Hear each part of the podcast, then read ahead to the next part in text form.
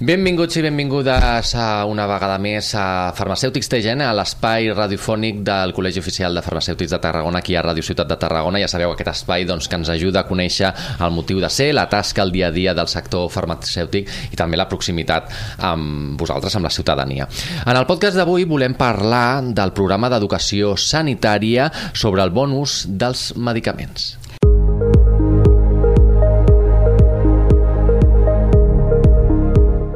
Doncs programa d'educació sanitària sobre el bon ús dels medicaments és el tema del que avui volem abordar aquí a Farmacèutics de TGN i per conèixer doncs, més detalls hem convidat i saludem en el programa a la Dolors Andreu, és vocal de docència del Col·legi Oficial de Farmacèutics de Tarragona. Benvinguda, molt bones. Hola, bona, bon dia. Ah, bueno, doncs ah, comentàvem doncs, que és un programa doncs, que ja s'ha feia, doncs, que ara s'hi comença a impartir a les escoles per la importància no, d'incidir doncs, en el coneixement d'aquest bon ús dels medicaments ja des de ben petits. Exacte, no? Uh, fins ara aquest programa el fèiem a la, a la gent gran, els majors de 65 anys, no? I ara uh, és un programa que és un acord que tenim al Consell de Farmacèutics de Catalunya amb CatSalut i ara enguany se va implicar també el Departament d'Educació de, i aquest és un programa que eh, el portarem als nens de tercer d'ESO de tots els instituts perquè els nens puguin aprendre ja de jovenets com és el l'ús i el bon ús del medicament, no? perquè és el que dèiem, no? tot el que no s'ensenya no s'aprèn. I la base és perquè quan siguem adults tinguem més coneixement i fem més bon ús del medicament és que ho, ho aprenguem de jovenets i ho re, anem reiterant durant tota la vida. No?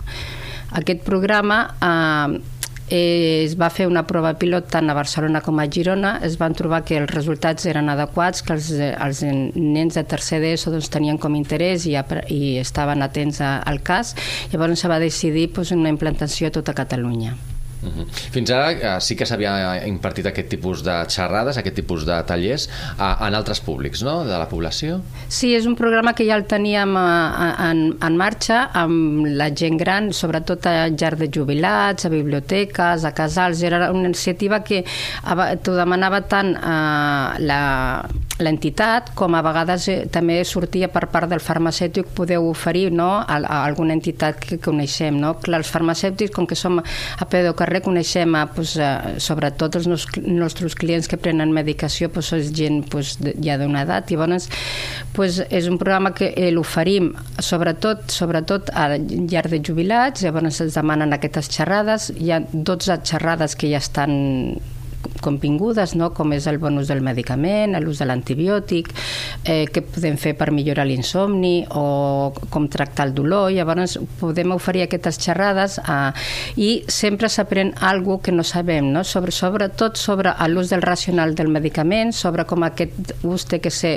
responsable, que sigui sostenible amb el temps, com podem millorar els nostres tractaments, no? que la gent també té que aprendre de que el tractament que cada un té doncs, se té que finalitzar, se té que, se té que prendre quan toca, i en acabat eh, també és molt interessant no? que eh, aprenguem tots a cuidar-nos, a autocuidar-nos en altres mateixos, a acabar els tractaments, però també hem d'aprendre que no s'han d'automedicar, no? i amb això tractem una miqueta eh, aquestes xerrades, no? pues que tothom aprenguem a fer un ús bo del medicament. Mm -hmm. no, precisament a preguntar la importància doncs, de, de tindre aquest coneixement de, de fer un bon ús dels medicaments, perquè a vegades nosaltres mateixos som farmacèutics, no? O metges dels altres. Mira, això m'ha anat molt bé, pren-t'ho que i exacte, cada exacte. persona és diferent. Cada persona és diferent i cada un té que prendre el seu, el seu medicament, no?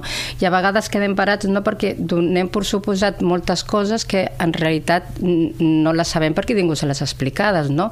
Pues des de lo que quan fem aquestes xerrades quedem sorpresos perquè a vegades expliquem hasta el que diu la caixa del medicament, no? Pues, eh, què vol dir el número que porta o si porten rodonetes, els símbols que porten. Llavors tot això ho expliquem i eh, el públic i tot l'usuari l'usuari entenen pues, que eh, un medicament és de prescripció, l'altre no és de prescripció, si jo me'l puc prendre quan vull, si que fer un tractament i finalitzar el tractament no? a l'hora que toca, no? i això comporta de que el medicament sigui sigui més eficaç i que es faci un bon ús. No?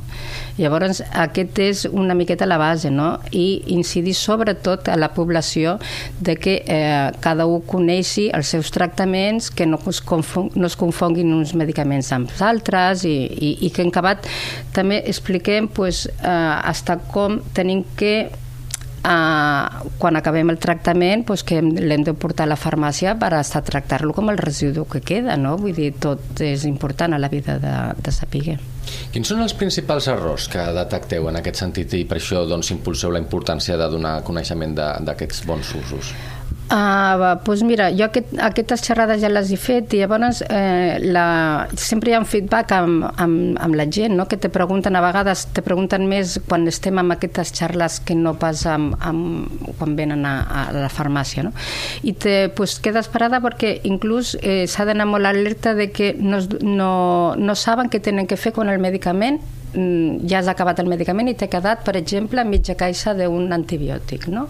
Pues aquesta caixa d'antibiòtic no l'has de guardar, l'has de portar cap al sigre, perquè en acabat el problema que tenim és que un altre dia comencen un tractament amb un antibiòtic perquè el tenen a casa i ningú li ha prescrit perquè es pensen que allò, el medicament, mira, ara estic una mica constipada, pues no has de prendre l'antibiòtic. Si no t'han fet un, una prova que diguis que realment tens una infecció, o tu ha mirat un metge, doncs no has de prendre, no t'has d'automedicar amb un antibiòtic. Doncs, començant des de que quan s'acaben els tractaments, el residu que queda se té que portar al sigre hasta que no s'hem d'automedicar doncs, amb antibiòtics o que uns tractaments crònics s'han de prendre a l'hora que toca. No te l'has de prendre un dia amb una hora i un altre dia amb una altra hora, sinó que s'han de prendre a l'hora que és una pastilla de l'atenció la tenim que prendre al matí, una pastilla del colesterol l'han de prendre a la nit, i això és molt molt important perquè els tractaments funcionin. Per tant, si ens queda mitja capsa d'una medicació que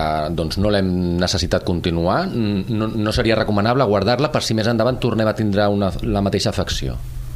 tot depèn a vegades del tractament, no? però si són, jo te parlava ara dels antibiòtics, si són doncs, jo, antiinflamatoris, igual a vegades sí que convé tenir una caixeta d'antiinflamatori, de, de paracetamol per un moment puntual, però hi ha tractaments que no és necessari repetir-los sense que t'ho digui el metge.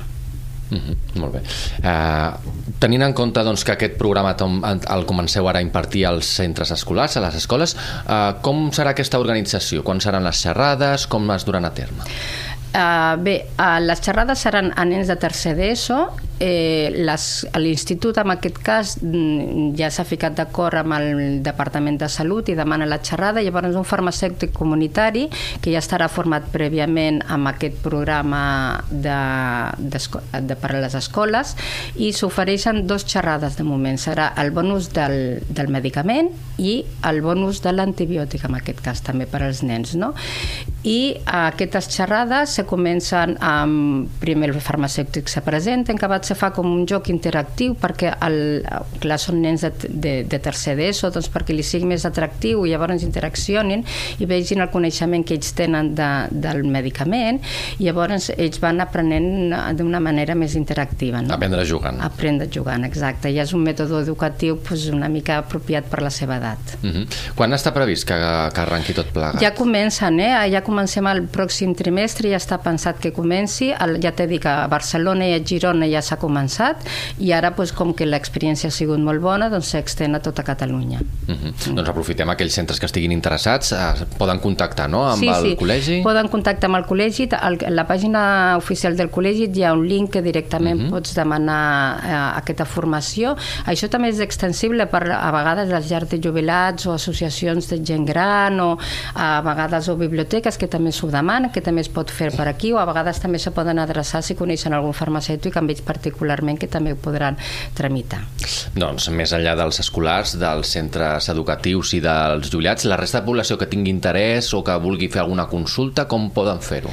Pues, eh, jo els dirigeixo a la pàgina web del col·legi. No? Sempre això se fa, com que normalment se fa amb, amb en una sala municipal o en una biblioteca... O que pot amb... estar obert a la ciutadania, no? Clar, està obert. Llavors és qüestió de ficar-se d'acord i a vegades ho estan fent, està en un club deportiu, t'ho demanen i llavors pues, se tramita i busquem un farmacèutic que sigui proper sobretot a, a la zona on s'ha demanat la, la formació i es fa. Mm -hmm.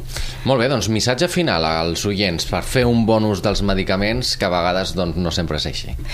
Pues sí, uh, sobretot que tots tenim que aprendre a tenir autocura de nosaltres mateixos, tots tenim que aprendre a, a que, conèixer els medicaments que estem prenent, saber com s'han de prendre i no automedicar-se sense tenir una base darrere que te diguin que allò s'ha de, de prendre, no? o sigui, el consell d'un farmacèutic o d'un metge com sempre, doncs, la importància i l'accessibilitat que tenim a les farmàcies, que les tenim a tocar de casa en els nostres mateixos barris per aclarir qualsevol dubte Vaja. i consultar doncs, en els centres mateixos. Uh, Dolors Andreu, vocal de docència del Col·legi Oficial de Farmacèutics de Tarragona, gràcies una vegada més per acompanyar-nos i haver-nos donat doncs, detalls d'aquest programa que esperem que sigui tot un èxit. Moltes gràcies. Gràcies a tu. I a vosaltres també, gràcies una vegada més per la vostra atenció aquí a Farmacèutics a TGN, l'espai radiofònic del Col·legi Oficial de Farmacèutics de Tarragona, aquí a Ràdio Ciutat de Tarragona. Fins la propera.